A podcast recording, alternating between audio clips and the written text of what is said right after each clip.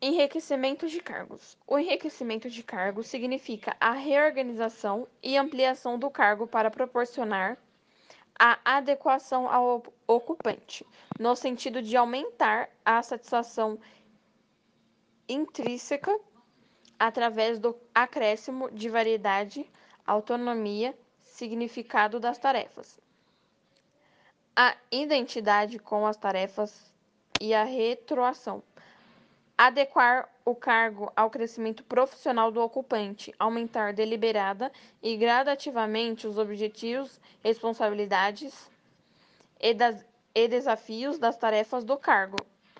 Existem dois tipos de enriquecimento de cargos: o enriquecimento vertical busca tarefas mais complexas e maiores responsabilidades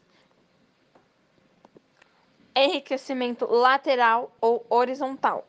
Busca várias tarefas de igual complexidade e responsabilidade. Adequar o cargo ao ocupante melhora o relacionamento entre as pessoas e o seu trabalho, inicia outras mudanças na organização, na, na cultura organizacional, melhora a qualidade de vida no trabalho, aumenta a produtividade, reduz taxas de absenteísmo e rotatividade, eleva a motivação intrínseca do trabalho, como também sua satisfação.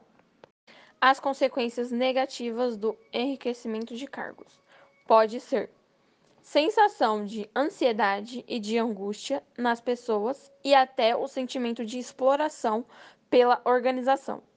O ambiente de trabalho influencia as expectativas das pessoas.